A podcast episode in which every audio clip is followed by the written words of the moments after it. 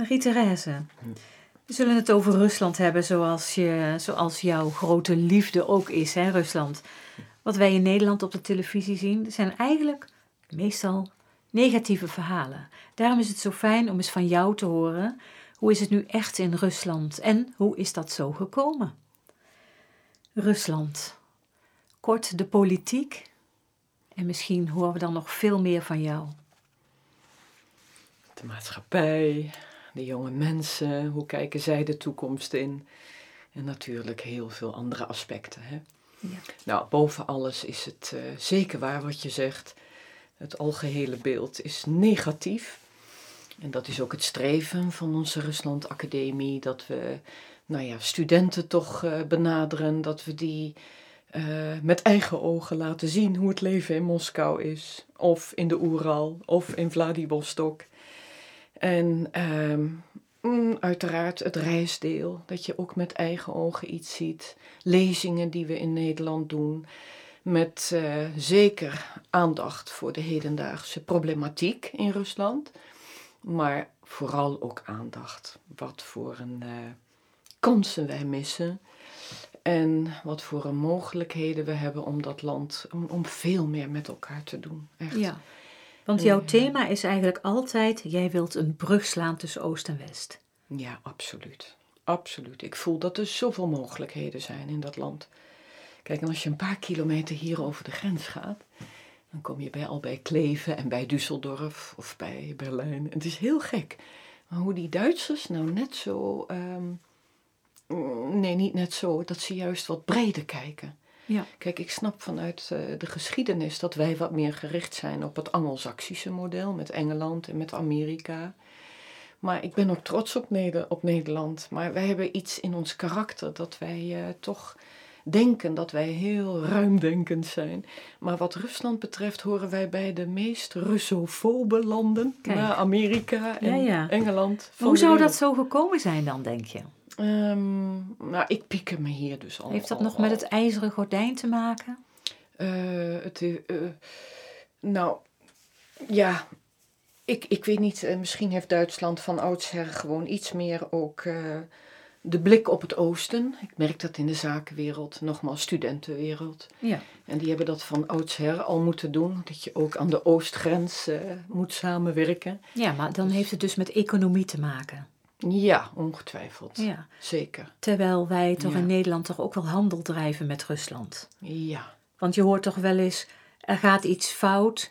En dan zegt Rusland, nou, we hoeven jullie kaas niet meer, bijvoorbeeld. Ja. ja. Dus dat betekent dat we wel handel drijven met Rusland. Ja, maar dat is dus soms moeizaam, begrijp ik. Nou, de grote jongens die we hebben mogen begeleiden in het verleden, de Rabobanks, de, de, de Shells, de, de uh, um, metaalbedrijven en dergelijke, die, die zitten er. En dat gaat ook altijd door. Maar ik weet dat het in het midden- en kleinbedrijf, uh, bloemisten, uh, de boeren uit Brabant, heel veel vragen die er komen.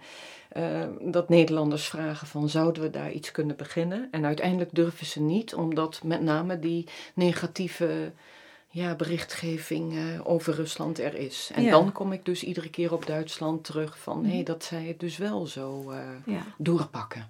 Precies. En nou, misschien hebben de Duitsers ook uh, iets meer ervaring met het voormalige Oostblok. Oost, Oost-Duitsland. Ja, maar ook het Oost-Duitse gebeuren. Hè? Met die DDR. Dus um, zij weten ook hoe het is om vanuit een ossie-mentaliteit, dat je mm -hmm. die mensen ja, deels kunt begeleiden. En in Duitsland zit ook iets meer het, het hiërarchische, denk ik. Hè? Ja. En dat zie je dus in, in Rusland ja. ook weer terug. En daar voelen Russen zich goed bij. Prima. En maar nou is het zo dat in worden, ja. de glasnost en perestroika, welke jaren was dat nou zo ongeveer? Um, ja, nu hebben we het over de Gorbachev-tijd. Dus ja. dat is ook een goede vraag van je. Want die, uh, die glasnost en perestroika, dat is dat Gorbachev uh, die kennen de meeste Nederlanders nog wel. En dat is dus vooral boven de veertigers. Ik weet niet hoe het zit met de twintigers in Nederland, of die de naam nog kennen.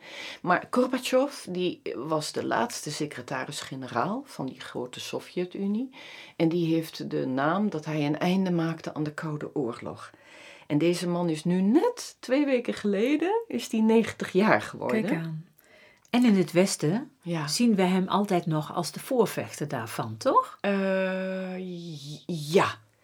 Dus Simpel gedacht, als je verder niks weet van politiek in Rusland. Ja, precies. Dan zou dat iets zijn wat ik zou denken. Ja. Maar jij kijkt wat bedenkelijk. Daar mm. zat een andere kant aan dus. Uh, ja, dus ik, ehm, omdat ik in, in, in Rusland de man op de voet volg, ik ben dus absoluut een, een, westerse vrouw en heb de westerse visie. Uh, alhoewel ik jaren probeer mij te verdiepen in de andere kant van het verhaal. Maar hierin merk ik echt wel dat veel Russen toch uh, mij weer bedenkelijk aankijken. Van Margrietje was er toch zelf bij. Van hoe ons land helemaal ten onder is gegaan. En dat was na Gorbachev? Nou, Gorbachev heeft dus een. Uh, ja, die begon met die perestroika, dus ombouwing. En glasnost betekent hervorming. En hij zocht contact met de westerse landen. Dus bij ons werd hij op handen geprezen. Maar hij had in Rusland zelf niet echt een plan B van hoe hij dan zo'n land van communistische uh, infrastructuur mhm. naar een nieuwe democratische en uh, kapitalistische wereld moest brengen. En het land was natuurlijk deels failliet. Alleen Russen of Sovjetmensen die wisten niet echt ehm, ja, dat hun land failliet was, om het maar zo te zeggen. Daar zit ook een groot probleem. Dus Kijk, dat die werd hun nooit verteld? Ehm, Want ze zullen het toch slecht hebben gehad dan? Ehm, en dat is die opmerking van jou. Dat is uh, een hele goede westerse opmerking. Maar dat is Kijk, ik woonde in die periode zelf daar en ik had veel connecties, veel mensen. En ik durf je te zeggen, ik was zo westers bevooroordeeld. Ik had een vader die doodsbang was voor het rode gevaar. En ik kwam dus ook met mijn eigen indoctrinatie, zoals ik probeer vandaag de dag Nederlanders wakker te schudden van er is een andere kant. Maar ik kwam dus zelf met mijn vooroordelen bij mijn Russische kennis en vrienden. En ik zei dus van, maar jullie zijn toch niet vrij? Of jullie kunnen toch niet reizen? Nou, inderdaad, ik kon mijn Russische vrienden niet meenemen naar Amsterdam of naar Londen. Nee. Maar anderzijds probeerden deze Russische mensen mij mee te nemen op vakantie in hun land. En zo gingen we naar de Eskimo's in Nova Zembla. We gingen op berenjacht in, in, in, in Je hebt nogal wat meegemaakt. Ja. En in de woestijnen rijden maar allemaal in binnen, binnen Rusland. Dus. Ja, en, En, en dus zeker is het waar dat zij niet naar Amsterdam mogen. Maar aan de andere kant had ik jou of had ik mijn familieleden in Nederland juist willen zeggen: jongens, kijk ook eens dat daar vakantie te vieren valt en wat voor een mogelijkheden. Maar desalniettemin, dat, dat was het leven in de Sovjet-Unie en Gorbachev of die Sovjet-Unie is niet alleen eng geweest. Ik wil het nu niet hebben over Stalin. Dat is een doodenge periode. Dat lukt allemaal niet nu. Weet je, dat is een mooi verhaal of mooi verhaal voor een andere podcast. Ja, maar als we dan nu weer eens teruggaan naar de periode na Gorbachev. Ja. Toen wij in het Westen dachten, nou, alles voor elkaar, dit wordt een democratie. Net zoals in het Westen. Ja. Maar dat was natuurlijk niet zo. Daar zat een periode tussen, hè? Ja. Hoe is die periode geweest? Ja, dus, dus, dus uh, je zegt het goed. Dus Gorbachev, uh, die, die, die, die, die, die als laatste man van die Sovjet-Unie, die probeerde een stukje vrijheid in te bouwen. Maar de mensen, ja, die zagen, die begonnen langzaam in te zien. Ja, er was uh, niet voldoende uh, geld meer voor banen, voor onderwijs, voor ziekenzorg. Alles werd grauw en grijs. Ik weet nog dat we kop en munt hebben geslagen, uh, hebben geslaan in de nacht. En wie er voor de bak, bij de bakkerij in de, in de winkel moest oh, staan. zo dus, erg. Ja, ja, het, was, het was vreselijk, die ineenstorting van die Sovjet-Unie. En ook dit hebben de Duitsers dus meer meegemaakt. Ja, de Oost-Duitsers. Met die Oost-Duitsers. Ja, precies. Dus die begrijpen dat ook beter, denk ik. Ik denk, ja, precies. Daar, daar, daar zit het ook. Maar goed, je hebt toen een aantal jaren gehad in die omwenteling. Maar wie was er toen de baas? Ehm, ja, dus Gorbachev valt van zijn troon. Communisme is voorbij. Uh, en dan komt Yeltsin als nieuwe president. En die belooft die vrijheid en die democratie, zoals wij dat in het Westen kenden. Mhm. Maar nog even wat het ook, omdat jij even zo terecht de naam Gorbachev eruit haalt, dat is waar ik mij ook over verbaas. Dat is, probeer je je daarin te verplaatsen. De beste man was vorig jaar, vorige week 90 jaar geworden. En deze Gorbachev, die is boos op het Westen. En ik zie hem dus in het hedendaagse Rusland meerdere malen uh, uh, nou ja, dat hij artikelen schrijft.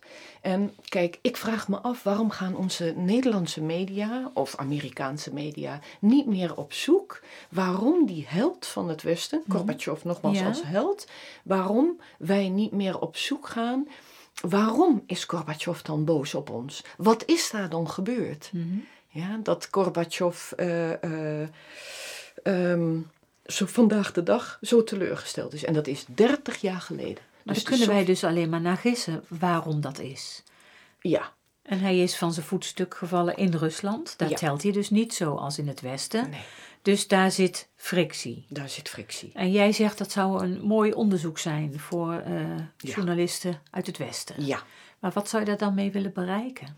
Um, dat we dan iets meer begrip hebben voor het hedendaagse Rusland. Kijk, als de hedendaagse Rus uh, Gorbachev niet zo prijst. Mm -hmm. ook al is diezelfde Gorbachev dan nu in, in zijn eigen land uh, bezig om, om aan de alarmbel te trekken van ze hebben mij uh, ja, ook niet goed behandeld in het Westen en de NAVO. Daar heb ik een toezegging van gehad van dat ze niet zouden uitbreiden en kijk wat de NAVO nu aan het doen is. Maar Gorbachev is iemand die in het Westen um, heel populair is en in Rusland niet zo. Nee. Ja? En nu andersom, naar het heden. Kijk, een Poetin is in westerse ogen een doodenge vent. En, um, en in, het, in de westerse wereld, uh, of in de, in de Russische wereld, is die juist weer heel populair. Is held. Dus daar en moeten we het nog eens even over hebben, hoe dat toch zo gekomen precies, is. Precies, en daar hoef ik verder nu niet over door te gaan. Maar het is wel iets, waar, wie kan het het beste weten? De Rus of de Nederlander? Ja, precies. Ja? Je moet daar dus wonen om te voelen wat het is. Ja. Maar wat ik je nou dus wil vragen, na Gorbachev heb je een tijd gehad een soort niemandsland dan? Want wie was er dan de baas? Of gingen er dan bepaalde krachten opstaan die je niet zou willen? Um, het is, een soort maffia heb ik wel eens gelezen. Dat ja, dat zo in één keer opkwam. Dat, dat, zie je heel goed. Dat is uh, het, de hoofdoorzaak dat wij in het Westen uh, te weinig van het Russische gevoel weten, van uh, die ineenstorting.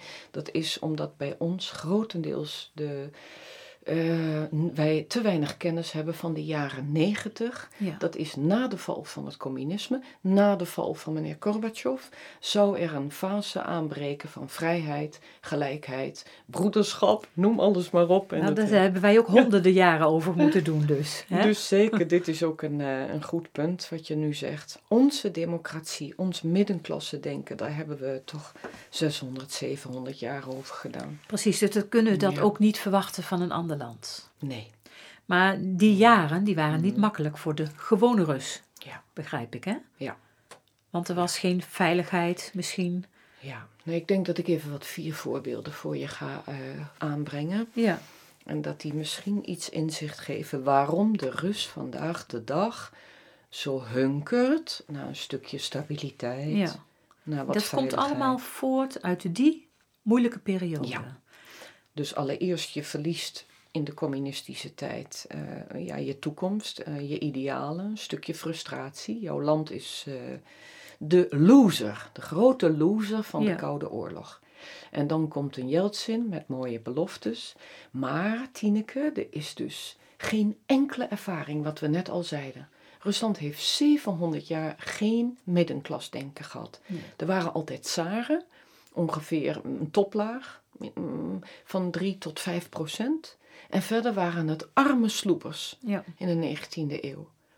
Dus geen middenklasse, wat bij ons in Nederland met Haarlem, met, met Zutphen, met Deventer zo bekend is. Daarbovenop komt dan het communisme, dat de staat alles voor jou bepaalt. Dat Dus is weer- makkelijk natuurlijk. Ja, De- ja, dus Lijkt me. Precies, in de jaren 60 en Ja, 70 ja. is er een zekere happiness geweest. Ook omdat je allemaal een baan had en je had allemaal een dacia en je had een En lada. scholing en alles kon. En dat kon. Ja. dus dat, dat is nu, eh, je hoopt dat je dat behoudt, maar ehm, ja, je moet Maar dat wel ging toen fout daar. Dus. Dus dat hele kader ontbreekt. En een Jeltsin die roept wel van dat hij dat allemaal gaat doen. Laat ik vooral niet alleen de schuld aan Rusland of aan Yeltsin geven. Ook wij in het Westen hebben toch redelijk gepusht om voor een shocktherapie te gaan. En dat houdt in dat als Rusland bij het Westen wilde horen, en met name Amerika, dan moet je een shocktherapie door, doorvoeren. Zo snel mogelijk alles saneren, eh, privatiseren. Maar daar had je geen ervaring in en geen geld. Precies. En geen economische en juridische ehm, instituties. Dus daar ging het fout. En om een paar voorbeelden uit de praktijk te geven, hoe ik dat als westerse vrouw uh, beleefd heb, noem eens iets. Onroerend goed. Of de juridische wereld bij ons. Ook weer in Nederland eeuwenervaring. Nu, Russen weten dus niet wat een kadaster is. Weten ook niet wat een, wat een, ehm, eh, een eigendomsrecht is. Dat nogmaals, jouw flatje en jouw dacha, dat was van de staat. En daar woonde je misschien al 30 jaar. En nu komen daar de eerste onroerend goed jonge uh, mensen, waar af en toe een paar slimme jongens bij zaten, maar af en toe waren dat zoontjes van die oude nomenclatura uit die communistische partij. En sommige mensen waren uh, ja, dicht bij, het, uh, bij de kliek van Jeltsin. En ik herinner mij heel goed van sommige vrienden. Stel je maar voor, er komt een, meneer binnen dat zou Holleder in Nederland kunnen zijn, maar dan, uh, dan waren er tig Holleders in, uh, in Oekraïne of Rusland. Hij had zo'n grote Chanel-bril op, hij had zwart pak aan, hij had veel gouden kettingen om. En die zei dus aan de buren, ja, in dit, op deze etage in Moskou Centrum, van mensen, u hebt nog drie maanden om uh, de woning te verlaten, maar wij willen dit pand nu hebben. En wij willen dit gaan laten renoveren voor een Amerikaans of een Japans bedrijf. Dus sorry, maar u moet eruit.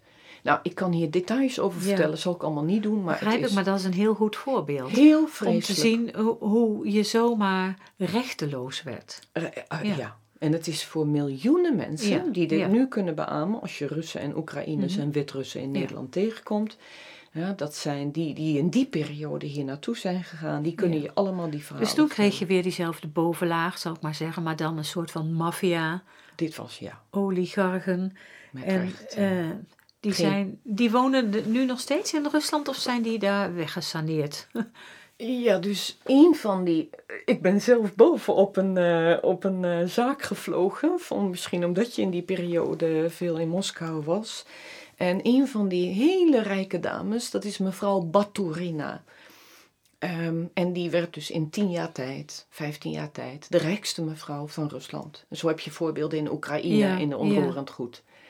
En om te begrijpen voor ons Westelingen, ja, waarom eh, ook Russen wat teleurgesteld in ons kunnen zijn. En waarom ze dan een Russische regering, of geef het maar een naam, in dit geval Poetin. Poetin heeft in 2005 gezegd aan al deze machtige Russen die op een onterechte manier eh, hebben huisgehouden. Hebben ze eh, eh, bijvoorbeeld gezegd, eh 2005, dus dat is al Yeltsin-periode af, Ja. van die mevrouw Baturina, onroerend goed mevrouw, en andere, Abramovic en de, en de andere En dat oligarchen. is niet die, die man van die voetbalclub in Engeland? Ja, die hoort ook bij deze groep die in een mum van tijd rijk wordt. Maar in dit geval, om te blijven bij onroerend goed, eh, heeft eh eh, in Poetin eh, aan deze groep, aan deze mevrouw gezegd van... Nou ja, u moet eh, belasting terugbetalen, inzagen in uw, eh, eh, alles, Kijk. alles wat u hebt. En ja, dus wat deed die mevrouw met haar, al haar bezittingen en rijkdom... wat ze intussen tijd al op de Ja. Londense banken had gestald? Oh ja. Die mevrouw die is dus gevlucht. Aha. Dus die grote groep rijke Russen, die met name rijk is geworden in de jaren 90, Ja. die woont veelal in Marbella en in Londen. En dat heet vandaag de dag dat het de kliek van Poetin is. Maar ik weet van alles wat er in Rusland vandaag de dag nog niet oké is. Maar hier ben ik het qua westerse visie niet mee eens. Want deze maffia-basis, Ja, die ja. zit in de jaren 90.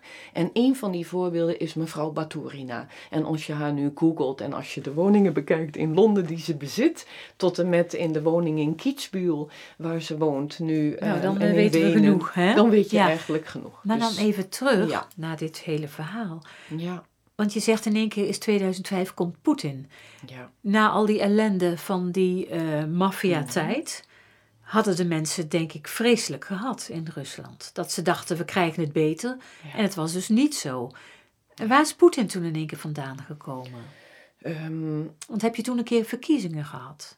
Ehm, nee, in wezen is deze man nog onzichtbaar. En hij is uh, absoluut, nou dat zou ook nog een keer een uh, podcast Ja, daar gaan we het apart over hebben. Maar toch is het daarna beter geworden voor de Rus, begrijp ik. Omdat Poetin um, het, het, het recht probeert te laten zegevieren door die mensen die alles slecht voor hadden met de gewone Rus, om die aan te pakken. Ja, het is absoluut uh, um, te weinig uh, bekend en helaas door onze continue, uh, niet alleen de media, maar ook onze politiek uiteraard. Hè. Ik prijs, ik geloof ongetwijfeld dat we een prachtige ja, um, oude traditie hebben in onze parlementaire democratie. Maar het lijkt wel onderhand in de mode.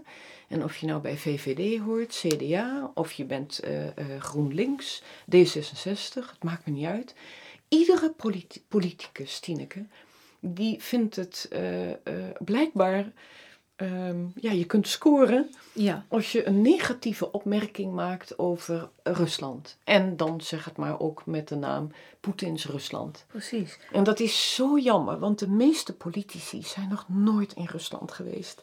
En als je vandaag de dag gaat, eerlijk, je wordt er helemaal blij van. Ja, want dan heb je het over de gewone man. De gewone man, maar, ook de nieuwe middenlaag. Ik, ik word er zo gelukkig nou, van. Ik denk, meneer Halbe Zelstra, in vredesnaam, weet je nog? Dat hij die uitsmijter maakte.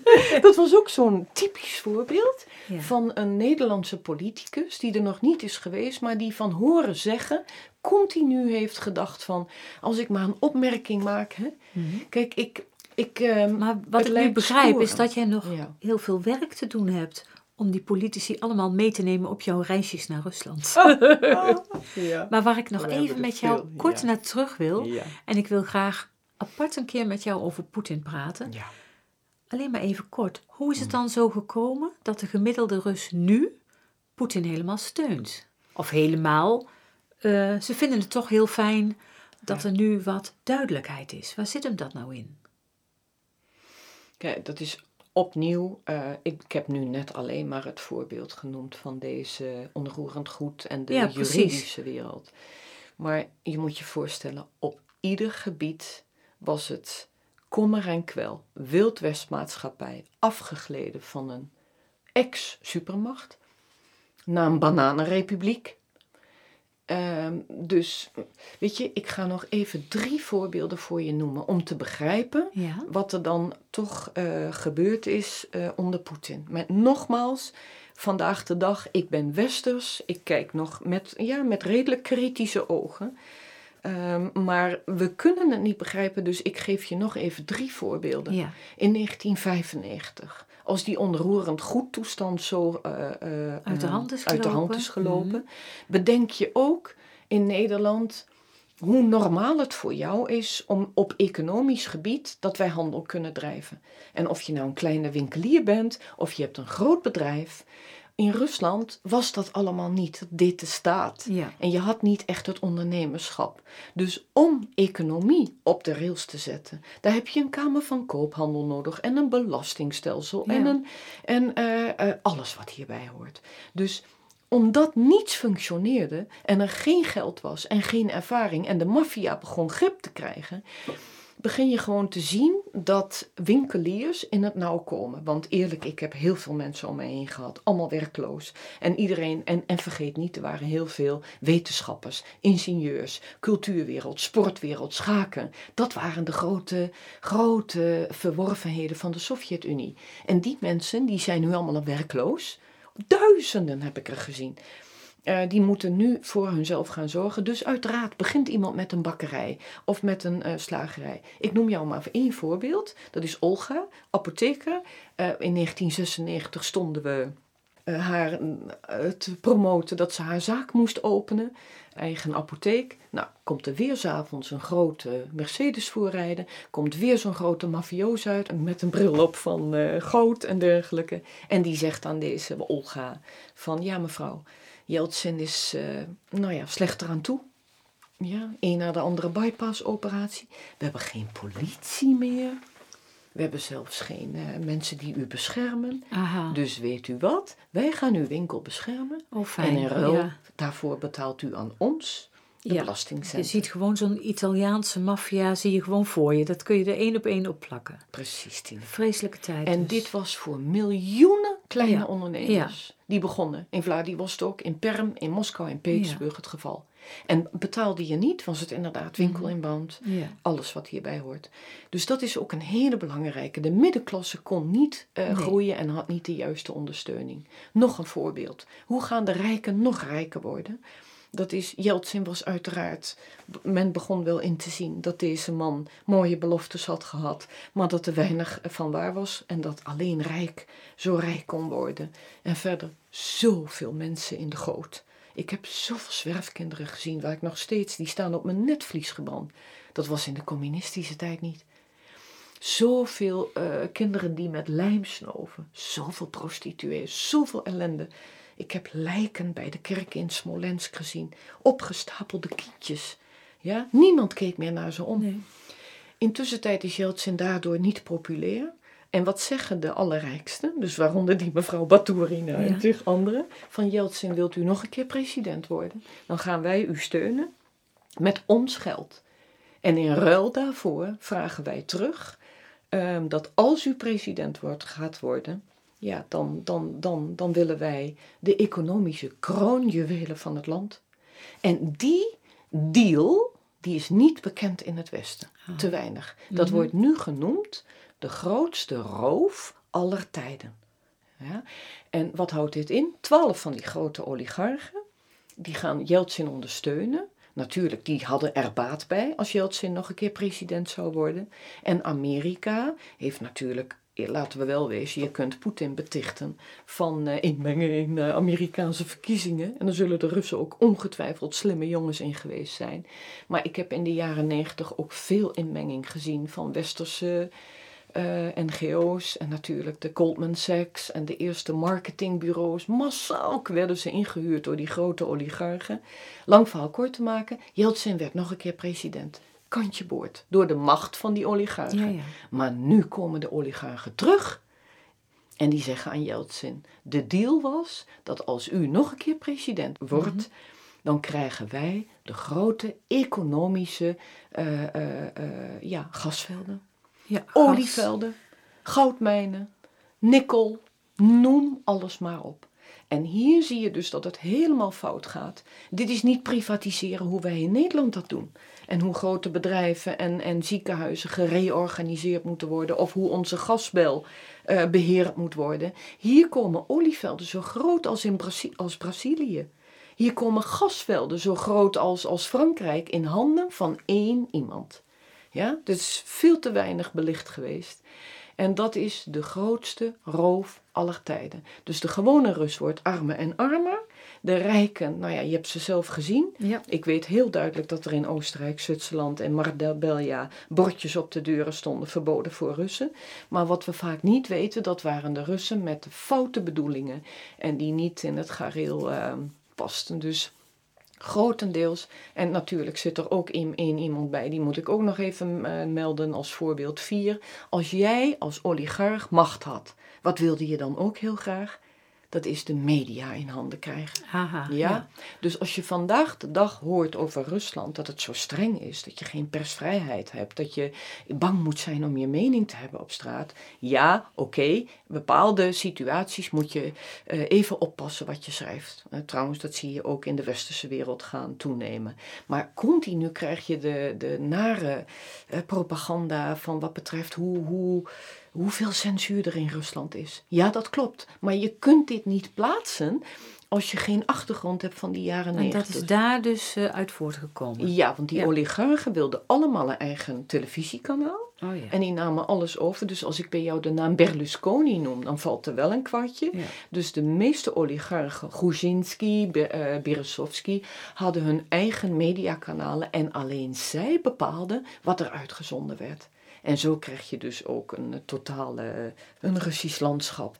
Deze basis, helemaal, dit is in vogelvlucht, in helikopterview, die moet je je voorstellen in het jaar 2000. Russen waren er zo slecht aan toe, Rijk was zo mafioos en zo extreem mhm. eh, ehm, rijk geworden. Dit, dit, dit, een Rus dacht, is dat democratie? Is dat de vrijheid die ja, ons dan heb je daar ook wel genoeg van natuurlijk, als gewone man in de, in de straat. Die moeten we even niet vergeten, ja, ons achtergrond. Precies.